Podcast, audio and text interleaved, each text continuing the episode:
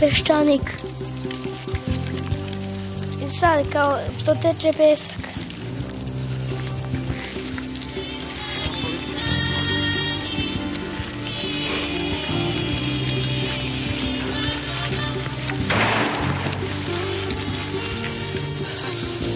On je čovjek dosadan. Sorry. On je čovjek dosadan čovjek. On je uvijek bio dosadan.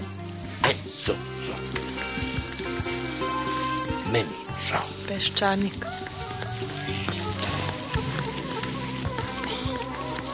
Opšta histerija. Beda, ljudska beda, ne samo ekonomska, nego i neka, ono, intimna, Ne, lična. Daj bilo šta. Daj, samo da Ne, si ušti nešto. Daj da bude moje. Nama je žao. Peščanik. Nije bilo dovoljno snage da kažem I'm so sorry. Meni je žao. Redka je generacija koja je dobila takvu šansu kao ova. To je tragična politička generacija. Ni štetu nisu napravili veliku.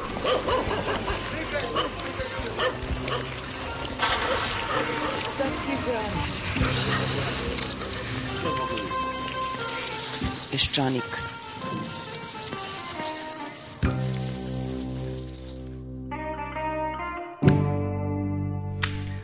Dobar dan građanke i građani, kako ste vi meni danas?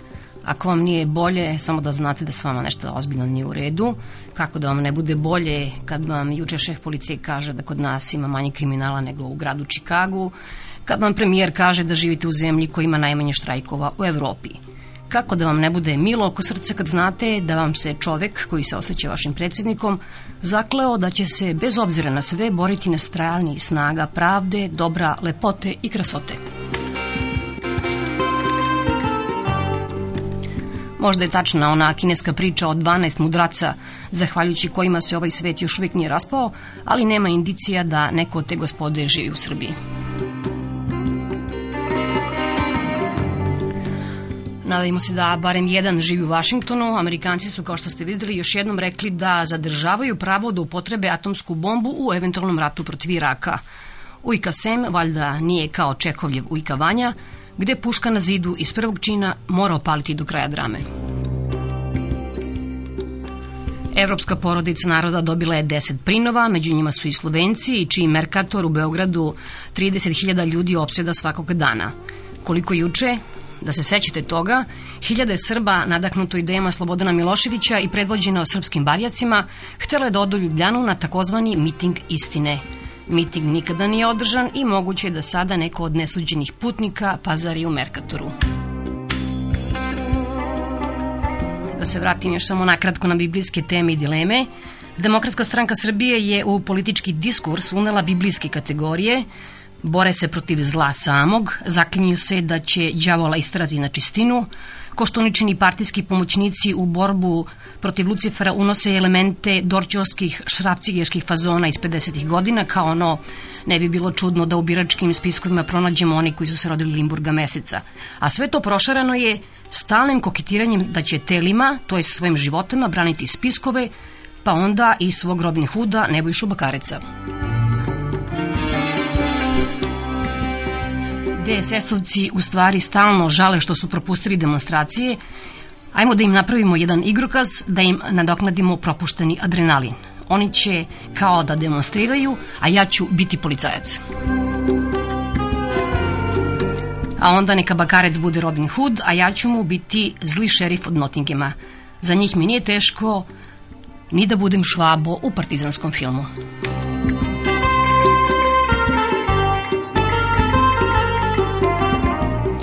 Ovo je emisija Peščanik. Naš prvi sagovornik je Đorđe Vukadinović. On je politički analitičar i predaje na Filozofskom fakultetu u Beogradu. Nema spora da je sada, nakon svega, gubitnik Vojislav Koštunica, koji je opet paradoksalno trostruki dobitnik, do, zaista trostruki pobednik te izborne igre, Dakle, jasno je zašto onda on nema previše razloga za zadovoljstvo. Što se tiče drugog velikog glavnog aktera koji nije učestvovao u izborima i koji inače ne učestvuje u izborima, ali obično izlazi kao pobednik iz izbora, a to je Zoran Đinđić, on je u prvi izborni ciklus ušao kao apsolutni favorit. Dakle, ušao je sa pozicijom moći, držao je prilično sve pozicije moći u Srbiji negde u leto 2002. godine i činilo se da ga izbori mogu samo učvrstiti u tome. Zato ih i namerno raspisao ranije da bi još dodatno znači, uvalio e, Koštunicu u probleme s obzirom na nerešen odnos u federaciji i odnose Srbije i Crne Gore. Međutim, tokom te kampanje za te septembarske izbore, znači tokom prvog pa i drugog kruga, pozicija Zrađića se dramatično promenila i dramatično pogoršala. Videlo se da Koštunicu nije uspeo dramatičnije ugroziti, znači što se tiče njegove popularnosti u biračkom telu, a istovremeno i Miroljub Labus, kojeg je morao da prihvati kao svog, navodnicima, predsjedničkog kandidata, prvo pokazao se da je znatnijoj meri nego što bi to Đinić odgovaralo autonoman kandidat, I drugo, da su neke druge snage iz DOS-a i izvan DOS-a direktnije, otvorenije i rekao bih iskrenije zalegle za, za Miroljuba Labusa i samim tim su imale i imaju zapravo pravo i pretenziju vrlo opravdanu da polažu pravo na tih milion Labusovih glasača. E sad taj trenutak, nakon propasti, pardon, prvog turnusa izbornog, odnosno drugog kruga, pa do raspisivanja novih izbora, tih nekih mesec dana, protekli su, dakle, u manevrisanju koje DSS i Koštunice nisu najbolji način iskoristili. Dakle, taj zalet politički koji su imali, taj kredit nesumnjivi, prosto oni i ne po prvi put nisu dobro iskoristili taj, taj trenutak i Zoran Đinjić se pokazao tu u tom aspektu naglašavam za sada samo u tom aspektu, mada ima i nekih drugih, kao dobar sledbenik Slobodana Miloševića, to je ta veština driblinga na malom prostoru. Tu se Zanđić zaista dobro snašao i prosto je, iako je bio u totalnom knockdownu, uspeo da, da preživi i da sklopi onaj novembarski, novembarski dil koji je po meni bio čist poen za njega lično. Da Trumpi, dakle, one glasove, odnosno one mandate DSS-a koje očino nisu mogli da svare, nisu mogli da progutaju, kao onaj zalogaj kad zastane snežani u grlu, tako otprilike su njima zastali ti mandati i oni su ih prosto ispljunuli, povratili. Vratili su mandate, oslobodili su se tog balasta i progurali su promene izbornog zakona koji je delovao kao kompromisan, a imao je te mine o cenzusu u prvom krugu i pogotovo ovo o tome da propade izbori ukoliko na izbore ne izađe dobro. I dogodilo se što se dogodilo. Cenzus nije preskočen i Zoran Đinđić se vratio iz mrtvih. Mislim, sad u ovom trenutku on kažem, stoji dobro, ali u svakom slučaju on aktivno sada vodi igru i u velikoj meri on može da nameće redosled poteza. Ono što bi mu se moglo dogoditi a što opet bi nalikovalo Miloševiću, a to je da, da taj triumfalizam koji, koji očino sada provejava, da i taj triumfalizam i ta euforija ponesu pa da opet uleti u neki nepromišljen potez. Kao što su letos, dakle, leteli u, u ove prevremene predsjedničke izbore i koji za malo da im se obio glavu. Ili kao što su proletos ili krajem proleća, početkom leta uleteli u ovo oduzimanje mandata DSS-a koji je usredečno moralo da im se obio glavu i po meni nije im se dovoljno obilo glavu koliko je trebalo jer je to bio jedan čin koji je pokazao e, dokle može da ide zapravo politički voluntarizam da kažem politička pohlepa i današnje kao i jučerašnje srpske vlasti. Tako otprilike stoje stvari kada reče ova dva glavna, dva glavna politička aktera. Treći koji se tu pojavljuje i vratno će se narednim danima i nedeljama još više čuti o njemu, to je faktor G17+, koji je neka vrsta pobednika ovih izbora. To je znači ove snage oko Labusa i Dinkića, i ona može da bude važan jezičak na vagi ili možda čak i glas razuma u ovom već očigledno iracionalnom sukobu sestrinskih demokratskih stranaka, odnosno Koštunice i Đinđića. Dakle, ja u tom smislu pozdravljam tu emancipaciju, političku emancipaciju G17+, tim pre što se tu prekida sa jednim neprirodnim, opet naša specifičnost, neprirodnim stanjem da imate jednu nevadinu organizaciju koja drži zapravo najvažnije poluge moći u državi. Mi smo od 2000. godine normalno vodili jedno 3-4 intervjua za Pešanje, kako se sećam. Ima jedna teza mm -hmm. koja je stalno u opticaju, malo malo kad se nešto desi, izgovaraš rečenicu da Demokratska stranka Srbije i predsednik Koštunica nisu odigrali prave poteze, nisu kapitalizovali svoj politički uticaj, svoju moć, popularnost među građanima. Mi govorimo o politici, znači nama trebaju delatni ljudi, ljudi koji će moći da kapitalizuju svoj politički uticaj da bi radili recimo našu korist. S druge strane, predsednik Koštunica je pomenjao poslednjih dana u tivom razgovoru dva puta paralele, neke, neka vrsta paralele između Miloševića i Đinđića. Poređenje je, ja znam da je to osetljivo poređenje i znam da je onako da je malo grubo, ali ga pravim sa, znači, nije ono u afektu izgovoreno, nego ne, stoje neki, neke analize, neki tekstovi iza. Mislim da analogija stoji u formalnom i u metodološkom smislu, dakle ne u sadržajskom, nego u tehnici i tehnologiji vladanja. Tu postoje, rekao bih, suviše velike i suviše opasne analogije. koje se možda zbog sticaja okolnosti i međunarodnih pa i nekih promenjenih domaćih neće razviti i manifestovati u sve onim mali, malignim formama u kojima su se manifestovali kod Miloševića. Ali u strateškom i u suštinskom smislu ja ne mogu, prosto da ne vidim te sličnosti. Taj moj omiljeni, ali rekao bih, ali apsolutno reprezentativni primer sa krađom mandata i pogotovo uz cinična obrazloženja kojim je to oduzimanje mandata bilo praćeno. To je po beskrupuloznosti, po brutalnosti, po cinizmu apsolutno nalikovalo znači onome što je govorio Milošić, odnosno zapravo njegov, jer on sam je redko imao takve verbalne, verbalne izlete. Bilo je i niz drugih primera, ali i samo je ovo dovoljno. To je prosto dokaz i potvrda da je reč kako je to nekada govoreno, u ljudima opasnih namera, odnosno ljudima koji nemaju zaista nikakvog obzira prema niti ovog individualnom, niti prema političkom moralu i vrlini. Što se tiče prvog dela tog pitanja, koje jeste i, i zanimljivo i na različite načine mi je i postavljano u prethodnom periodu, da, ja sam tu potpuno s tobom slažem. Takvi potezi kao slona u staklarskoj radnji, koji povlače sa DSS, u suštini oni su politički vrlo štetni. Ja jedino nisam hteo da to sad toliko isturam u prvi plan, dok ovo prvo, ovo prvo čemu sam govorio, ne bude transparentno izrečeno i od bar jednog meni važnog, rekao bi, reprezentativnog dela javnosti ne bude absolviran. Sada mislim da jeste.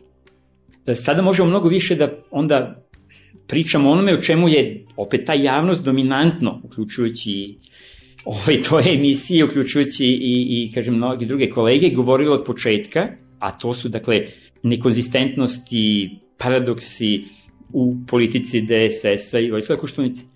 Ako je do neke samo istorijske pravde, to onda, ili političke pravde, onda možemo reći da se to za, već njima uveliko sveti. Doduše, Koštunica nije kvantitativno gledano njegova popularnost nije dramatično opala i mislim da je to zapravo jedno čudo koje se može objašnjati opet na, raz, na različite načine što je on ostao i dalje toliko popularan. Ali intenzitet te podrške i njegove popularnosti dramatično opao. Dakle, ne kvantitet, nego kvalitet e, podrške. Gotovo svi koji glasaju, ili velika većina onih koji glasaju za Koštunicu, a pogotovo sve to oko miliona i naviše, to su glasovi koje on dobija po liniji izbora manjeg zla, odnosno oni koji s glavnog protivnika i neprijatelja i problem vide u nekom drugom, Đinđiću ili Šešelju, i onda glasiju kao za manje zlo za, za Vojislava Koštunicu. Sa ta hipoteka gubitnika nevinog gubitnika, moralnog pobednika i tako dalje, koja ide u Koštunicu, kada se malo pređe neka tanka i nevidljiva granica, onda postaje balast, onda postaje takođe tego oko vrata.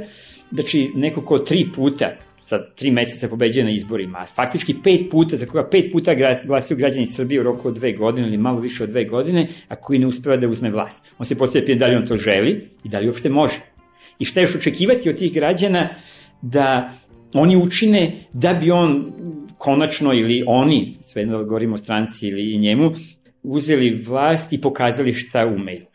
Mislim da je očekivanje da će sada nekim opštenarodnim protestom građani izvikati ili izgurati ovaj, ili ugurati Koštunicu u predsjedničku fotelju, kao što je to dogodilo 2000. godine, mislim da su neosnovana i bilo bi dobro da što pre raskrste sa tom vrstom iluzije, ako uopšte imaju takvu vrstu iluzije.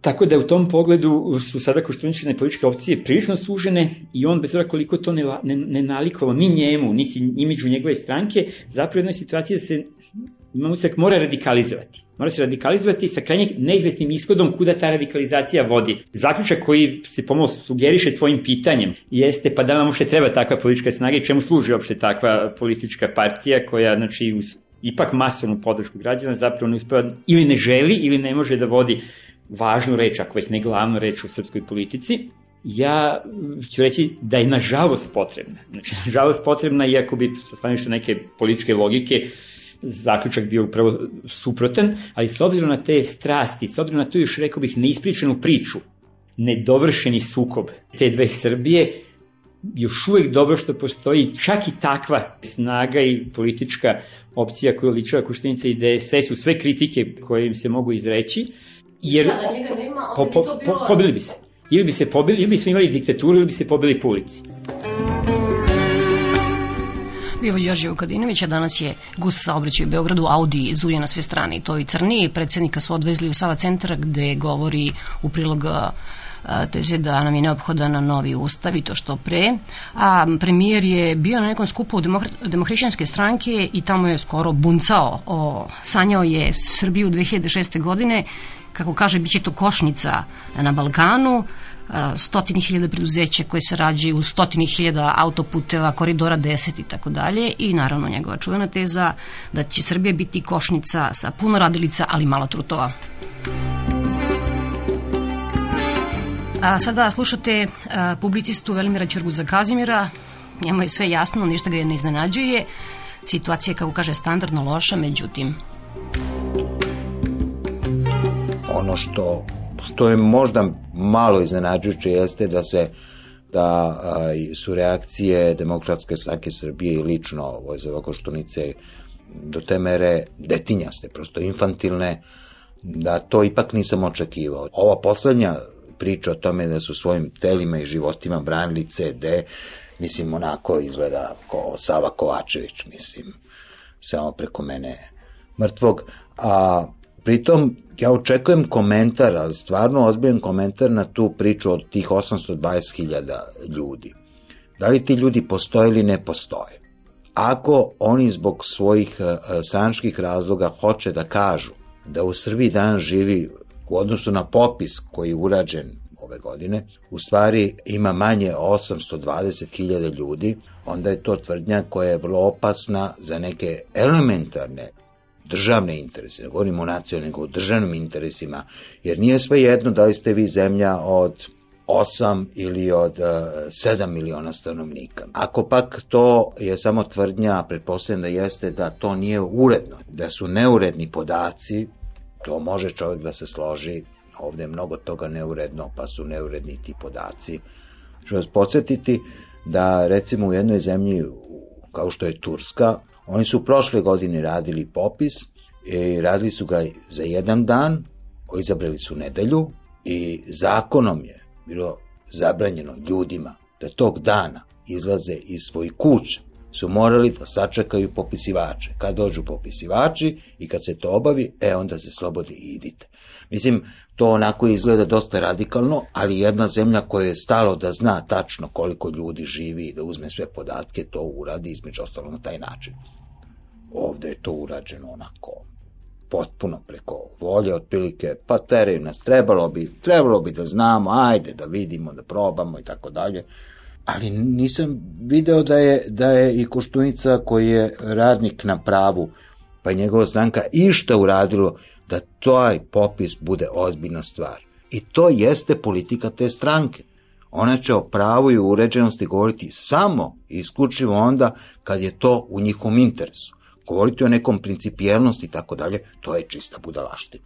Ja neki put mislim da o, ta naša politička elita ima tu vrstu marketinga i PR-ova, ljudi koji su oko njih, koji, koji se stalno ponašaju kao uši okrenute prema narodu i onda oni osluškuju i kaže, e, to prolazi, to narod voli, udari sad ovo, udari sad ono.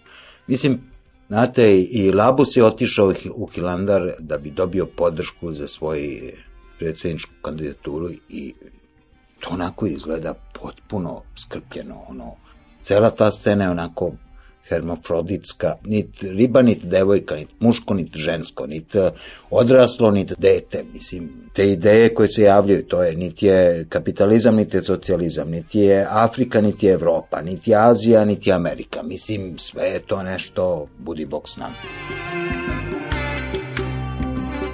Mi svi vrlo dobro znamo ko smo hodali 96. 97. da to nismo radili ni zbog Vuk Draškovića, ni zbog, ni zbog Đinđića, bila je nesetna Vesna kojih je stalno mirila. Nego smo radili to protiv Miloševića, vrlo dobro pamtimo šta je tad radio Vojslav Košunica i njegova stranka. I da je najistaknutiji član njegove stranke koji je prišao pokretu, sećamo se one bake Olge, koja je rekla da je za DSS i koji smo svi aplaudirali, sve vikali, dok su oni, skup mudraca, procenio da to u tome ne treba učestvovati. Jer je to ne znam šta, ispod nivoa ili, ili je to aktivnost koja ne priliči ozbiljno političkoj stranci.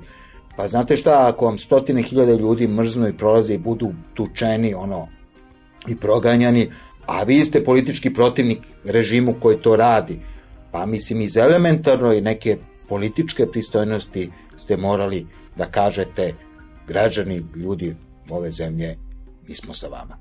To nisam čuo nikada. Stvarno, trebali bi da se stide da oni pominju 96. 97. godinu.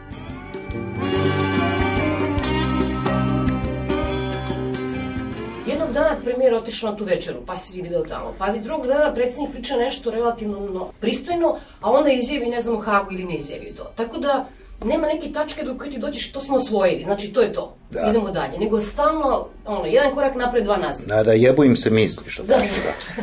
Pa to je neka vrsta ekcema mozga, mislim, koje, koje se javlja jer je i cela situacija šizofrena. Vi hoćete jednim potezom i da budete veoma popularni, a s druge strane i da sprovedete nešto što po definiciji ne može biti popularno. Iako Đinđić ima tu, ajde da kažem, zavorazumsku crtu kad kaže meni ne treba popularnost, ja hoću to da uradim i tako dalje do kraja, ali potrebno je njemu popularnost i- i on i tekako kalkuliše ako sutra budu parlamentarni izbori kako će demokratska stranka ili taj blok kome on kako će da prođe. To se najbolje može videti u, odnosu prema Haškom tribunalu. Đinđić je de facto, ajde, nije sam bio, cela vlada je stala iza njega oko toga, isporučili su Miloševića na onaj onako munjevit, taj novit način, da je on rekao, ja sam ovo učinio za budućnost. To jeste jedan pokazatelj jedne lične hrabrosti i spremnosti da se rizikuje. I ja ga u tom smislu veoma poštujem. Pa onda on kaže, e, neću ja sam da podnesem više tu težinu, saradnje sa Hagom, neka to sad pređe malo u nadleštvo Koštunice i ja se bojim da ćemo mi upravo zbog tog rivaliteta u jednom trenutku se naći u situaciji da će ta međunarodna zajednica, ma šta to značilo, reći pa u toj zemlji se zaista ne možete osloniti ni na koga. A to će se odraziti, bojim se, na najgori mogući način, pre svega na ekonomiju. Obaška kad onda pogledamo te animozitete između Dinkića i Đinđića, između G17 plus i demokratske stranke i tako dalje, to onda stvarno kažete ljudi ovo je ovo je otišlo predaleko, a s druge strane imate osjećaj da i to tako što je otišlo predaleko može da traje onako i da se tanji, da se tanji i da u jednom trenutku se raspišu izbori i ko će da izađe, izaći će samo, tako kažem, vojnici Šešelja i sličnih spodoba, a mi koji sumnjamo u mnogo toga i razlažemo stvari ćemo ostati kod kuće i reći neću u to da se petljam, to nije moja stvar. A ipak to jeste naša stvar.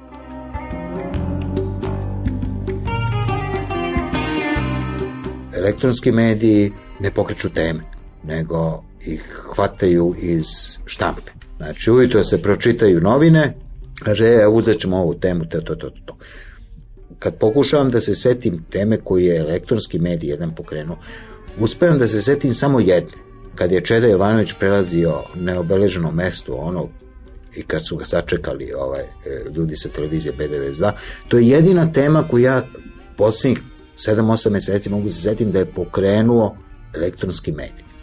Tu postoje emisije koje su prepoznatljive, TV Manijak, Ciklotron nažalost više nema, koji sam je jako volao. Postoje ovaj nokaut, kulturni nokaut. Meni smeta malo ego trip, koleginica.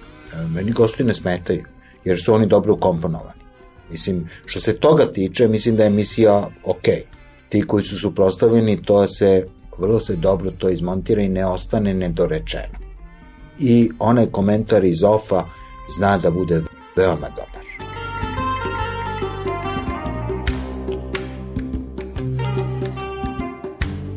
Mi upravo sad radimo jedan projekat onako koji je jako sladak i meni jako draga, to je jedan dan života. Pokušavamo da rekonstruišemo jedan dan u životu običnih ljudi. Taj dan je 23. juli 97. godine, kada je Sloba postao predsednik.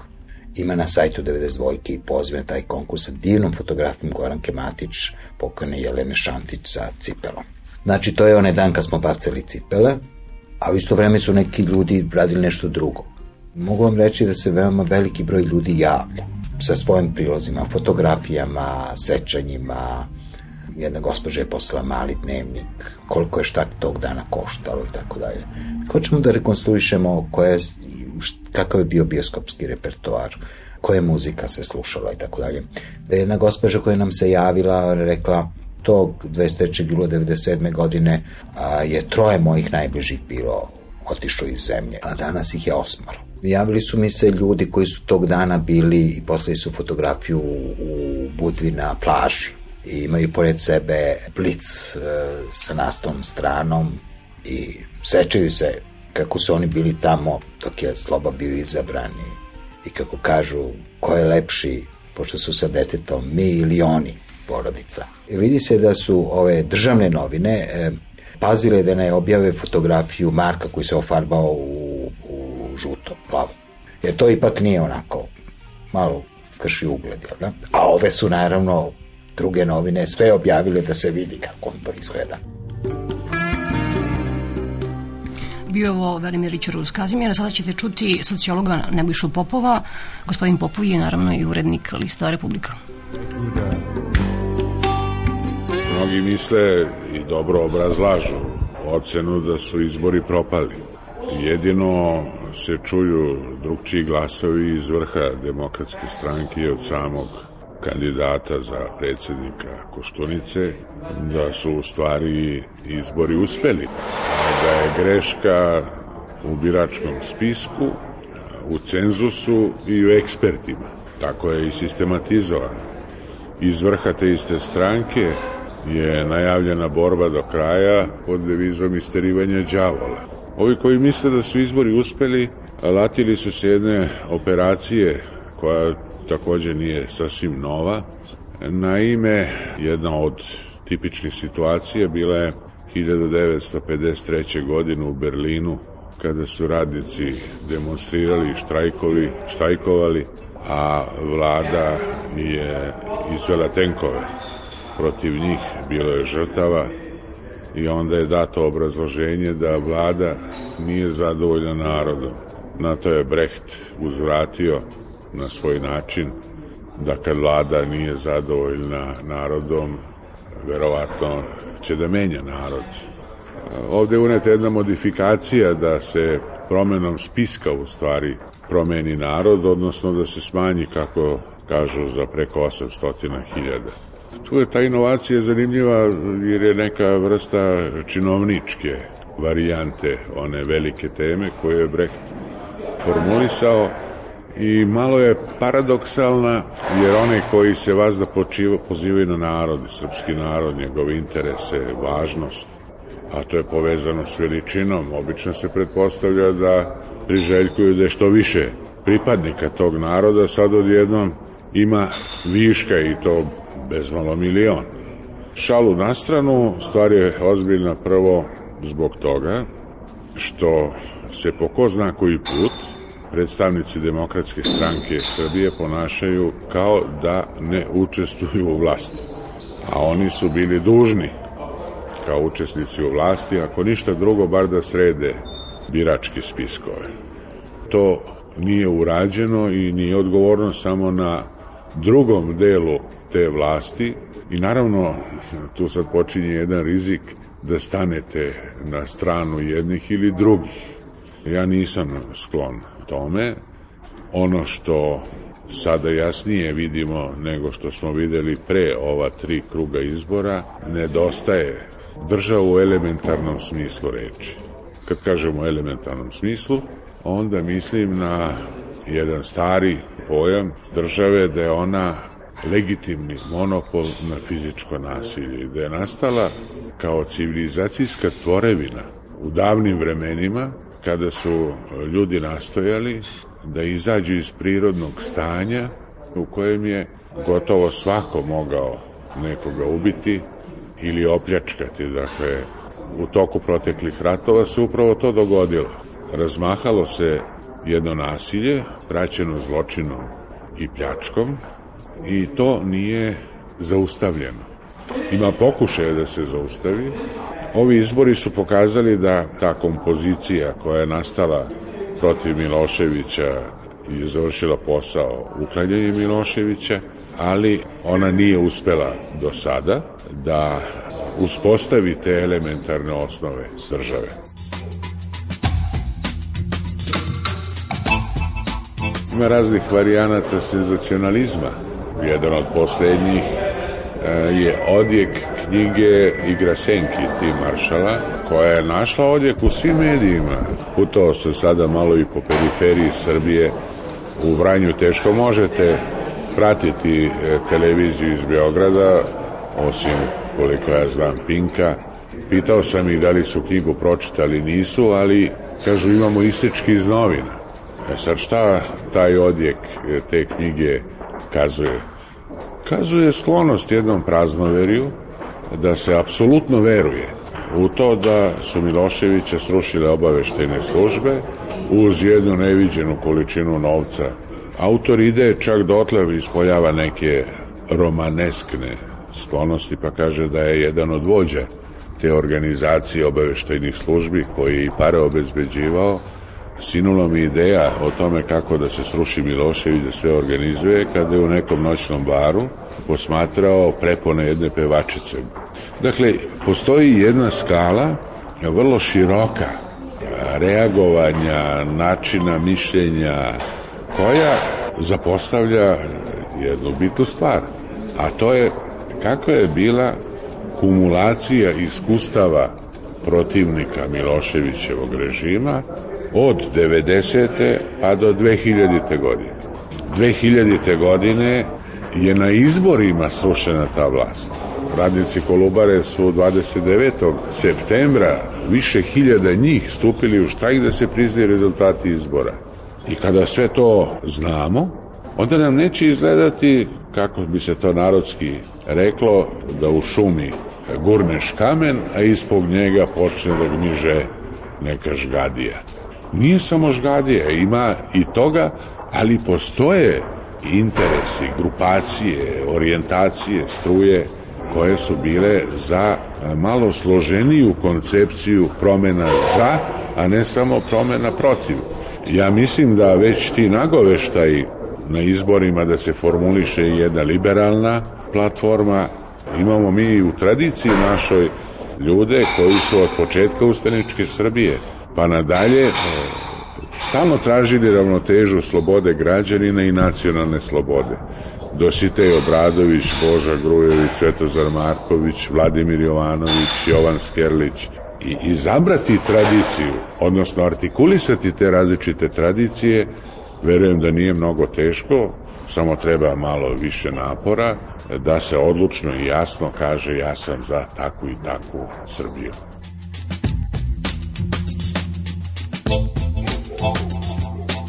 U izvestim krugovima postoji sklonost ponavljanja nekih stereotipnih ponašanja. Da je neko pokrao izbore, a mi smo u stvari pobedili, to se može žrtvovanjem nekih vođa, plus masovnim demonstracijama sve izboriti. Pominjali smo senzacionalizam, vi sad pominjete nacionalizam, u stvari razne oblike nacionalizma. Mi tu opet nismo ozbiljno analizirali stvari. Ljotićev nacionalizam, Nedićev, ravnogorski nacionalizam, nacionalizam Koste Pećanca, to su različiti oblici totalitarnih ideologije. Kao spasilački, oni spasavaju koliko god se može substancu nacionalnu. E, druga strana iste te ideologije jeste predskazanje katastrofa. Ako ne prihvatiš ovo, onda nužno nastaje katastrofa koja se pre svega ogleda u tome da će nestati i Srbiji i Srbije. Nema ih više. A trebalo bi da znamo da u tradiciji Srba i Srbije postoje različite ideje, interesi, koncepcije i orijentacije tokom svih ovih 20, 200 godina i da možete da izaberete. Ne mora to da bude ni jedna od ovih pomenutih nacionalizama. Ne mora ni militantni, patriarhalizam koji je u stvari najstarija totalitarna ideologija. Ne, bilo je i drugih ideja, čak su se i tokom poslednjih deseta godina one javljale kao marginalne, ali nikako da dospeju do punije vidljivosti i artikulacije u javnosti, a samim ti do podrške. A upravo to što većina birača nije izašla na izbore, nisu hteli da glasanjem potroše jednu važnu instituciju koja se zove izbori i prosto vapiju za pravim izborima, a to jest da imaju između čega da biraju, a ne da biraju unutar istoga. Ono kad vas slušam, mislim da nije... Sve propalo. Molim? Pa nije sve propalo. Da. Se stalno postavimo neki datum. I ako se tog datuma nešto ne desi, ovaj, nastane potpuna katastrofa. Pa to je malo i duh vremena. To su generacije vaspitane na horoskopima. Valja i čitati, valja više znati. Evo recimo jedan odbornik u Smederevu kaže o, mi smo učili da je Ljotić naopak, ali baba mi je pričala da Mita nije bio ređev čovek. Treba malo više znati. Treba se malo potruditi za ambiciozni pravi život. Ali rekao bih posmatrajući ovih poslednjih deset i više godina, ne samo da je uvek bilo onih koji su protiv tog užasa, nego su imali i jasne ideje i koncepcije, neki od njih su čak dospeli u vlast. Zašto i od njih ne bismo očekivali da jasnije artikulišu ono za, ne samo protiv. Vidjet ćemo. I to nije pitanje dana, ovo što postavljaju rokove, čak ni Evropska unija, kao što ste videli, ne postavlja tako stroge rokove, ima jednu drugu pedagogiju. Kod nas se kaže dan D biti ili ne biti. A ovi se ponašaju kao da će uspeti gotovo sve što oni podstiču i traže.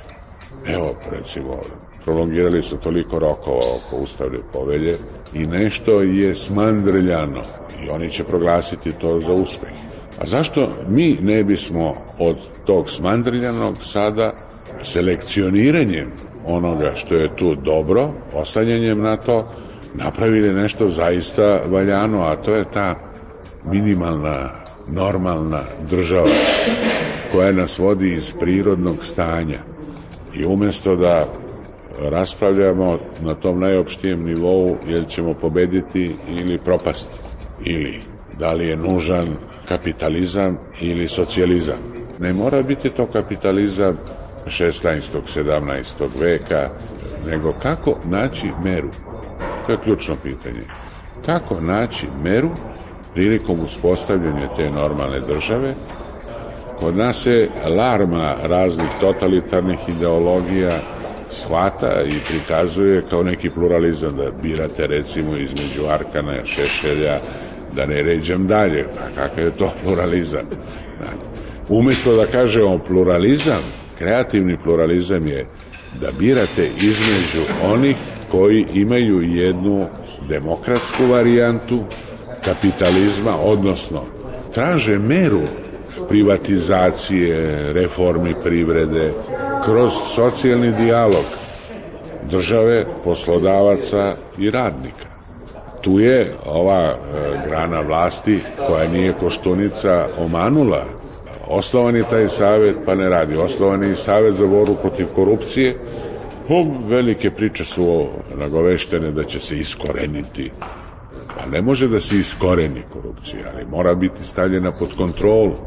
A ovde su bili na vlasti i još uvek nisu potisnuti sa vlasti, niti je uspostavljen taj minimum države, a to je konstitucija. Peščanik. Pisac Vladimir Asanijević, jedan od devetoro potpisnika upozorenja srpskoj javnosti, govori o bliskim susretima sa srpskom desnicom. Ja sam dva puta išao prvo u Užice, a potom u Čačak kada su bili ovi neuspeli pokušaj postavke izložbe Rona Habiva koju su upravo desničari najrazličitih vrsta sprečavali i skidali.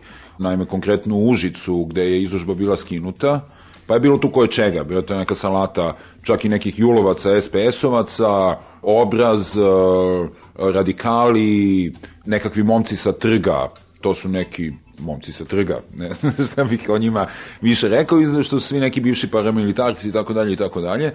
Jedna ovako prilično mračna ekipa, ono što je meni bilo interesantno, posle sam gledao snimak tog razgovora, je da sam ja zapravo neko bio neprijatniji prema njima nego što su oni bili prema meni, mimo naših stavova, ovaj, jer ja meni zaista skoči temperatura ovaj, kada čujem takve budalaštine, ja to naprosto nemam drugog načina da kažem, ali ono što me zapravo tada nekako osokolilo jeste činjenica da smo mi ipak vodili razgovor i čak u onom e, nekako tipično srpskom ovaj, e, modelu, na kraju smo se tako rastali u super nekom kao raspoloženju i sve to onako bilo dosta čudno. Ja sam tada onako jasno osjećao, evo ovo je zaista, zaista moj prvi susret sa tom zapravo za mene do tada nekako fantomskom ekipom o kojoj ja stalno čitam, ali koju ja nikada i nikako ne srećem. I ja sam sada konačno nekako sreo te ljude. Kasnije se slična stvar, e, ali nešto više uznemiravajuće dogodilo u Čačku, kada je pretučen e, jedan od organizatora ovaj, izložbe. I uh, tu je nekako cela stvar bila daleko mračnija, upravo zbog tog nasilja. Nije bilo prijatno, ali ja smatram da čovek treba da se suočava sa svojim društvom onakvim kakvo ono jeste. Na šta si vikao? Drao sam se, da, jer oni su se drali i onda sam ja krenuo, a ja imam taj glas, mislim, meni nije teško da podignem glas i da krenem da, da, da se nadjačavam sa nekim, još znači da kad mi neko tako me ubode, mislim da kažem, onda me i to tako krene. I ja sam krenuo da se nadjačavam i sada sam video o čemu se radi. Ti ljudi poštuju silu kao takvu. To nema nenasilne komunikacije, mislim, mi, naravno, ja neću se tući sa njima, niti ću im ništa uraditi nažao, ali što se svađe tiče, ja mogu da se svađam i koliko god me, on mene da nadjačava, ja mogu da nadjačavam njega. Meni nije problem ovako, evo kao sada, da pričam, pričam, pričam, da uopšte ne udahnem vazduh, tako 45 minuta ako treba, i ja sam video da se ja njih na kraju nadjačao. Jednom u povratku sa Zlatibora sam prolazio kroz Čačak, I onako sam pomislio, eto, čačak, mislim, neko mi to sve tako bilo tužno. I onda mi je baš stađena rekla, gledaj ovo, i videli smo jednu kinesku radnju, mislim, jednu jedinu nečačansku stvar u Čačku, i onako sva bila išarana kukastim krstovima, ovaj, uh, I eto, ne znam, ono čemu sam ja uvek, za čim sam uvek žudeo i ono što me uvek uh, rastuživalo u našoj zemlji jeste bila činjenica da je ona tako neko nekomunikativna, da nema dovoljno stranaca u njoj. Ja kada sam otišao u London kao mladi čovek, ovaj, ono što mene fasciniralo u London nisu bile toliko stvari koje se tiču samog Londona, nego upravo taj kozmopolitizam, ovaj Londona, da vi izađete na ulicu pa pogledate pa vam prođu ne, ne znam, grupa Pakistanaca, pa grupa japanskih turista, pa neka deca iz Švedske koje su tu na ekskurziji, pa vam je lokalni prodavac novina, neki mađar koji iz Mađarske odšao 50 Znači vi neko osjećate na londonskim ulicama kako čitava zemaljska kugla tu pulsira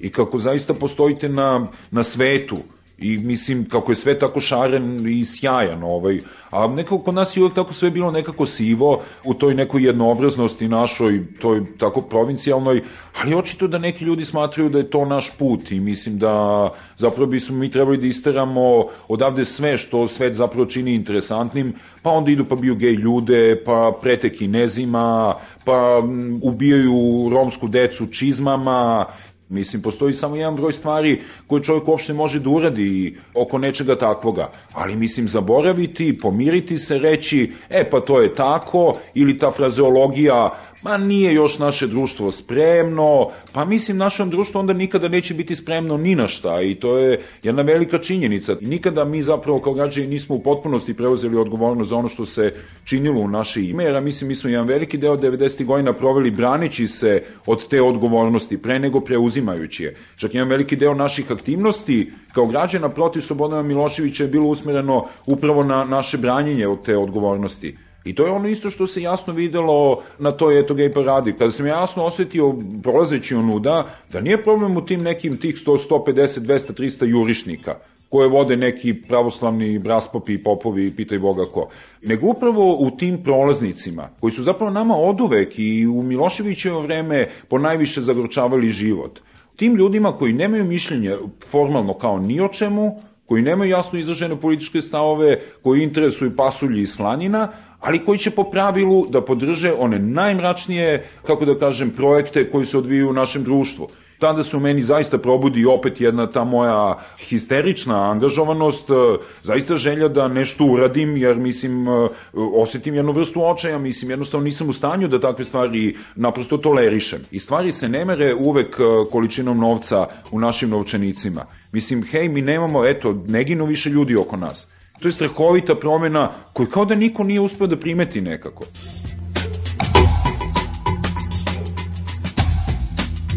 Mislim da ne bi trebalo da svi ljudi koji postoju u javnom prostoru ovde budu abolirani od onoga što su pričali i činili tokom 90. godina. I pomalo ostavlja ružan utisak, ovaj, recimo konkretno na emisijama tim kao što je taj kulturni nokaut, ovaj, kada nekako iz emisiju u emisiju taj desničarski stav preovlađuje, uh, on je naravno medijski atraktivniji, lajaviji je, burniji je, skloniji je atraktivnijim, jednostavnijim floskulama i rešenjima, utoliko kada se formira nešto poput tog virtualnog dijaloga, zapravo koji, na kome je zasnovana konkretno emisija kulturni nokaut, ovaj, takvi stavovi obično odnose neku vrstu pobede. Ovaj, mislim da prosto postoje dve mogućnosti, ili da se sagovornici suočavaju pa da zaista gledaju jedni drugima u oči i da imaju šansu da reaguju na ono što onaj drugi kaže ili da se jednostavno vode nekakvi odvojeni razgovori, mislim praviti virtualni dijalog između ljudi gde zapravo montaža čini mnogo više nego bilo šta drugo, sadrži jednu vrstu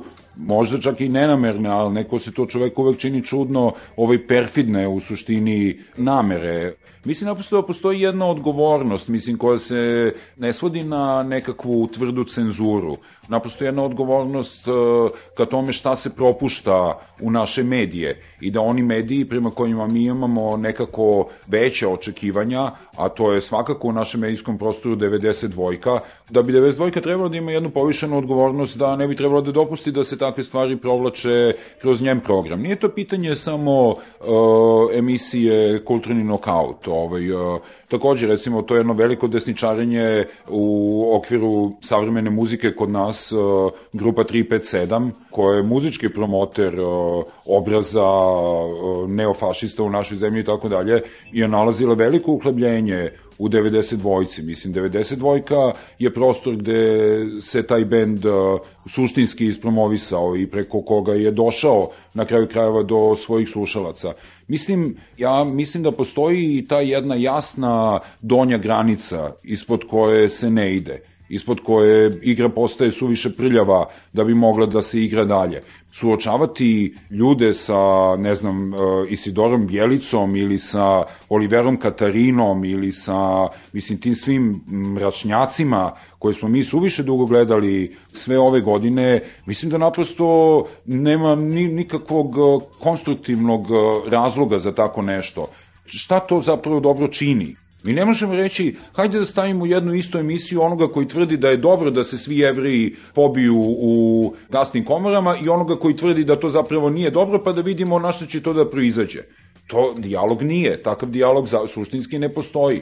Mi smo videli do koje mere se mediji mogu zloupotrebiti i šta sve može pravilnom zloupotrebnom medija da se izazove u jednom društvu. Mi imamo to iskustvo kroz RTS. I ja ne, na, naprosto takve neke stvari ne bi trebalo da se ponove zapravo nikada više.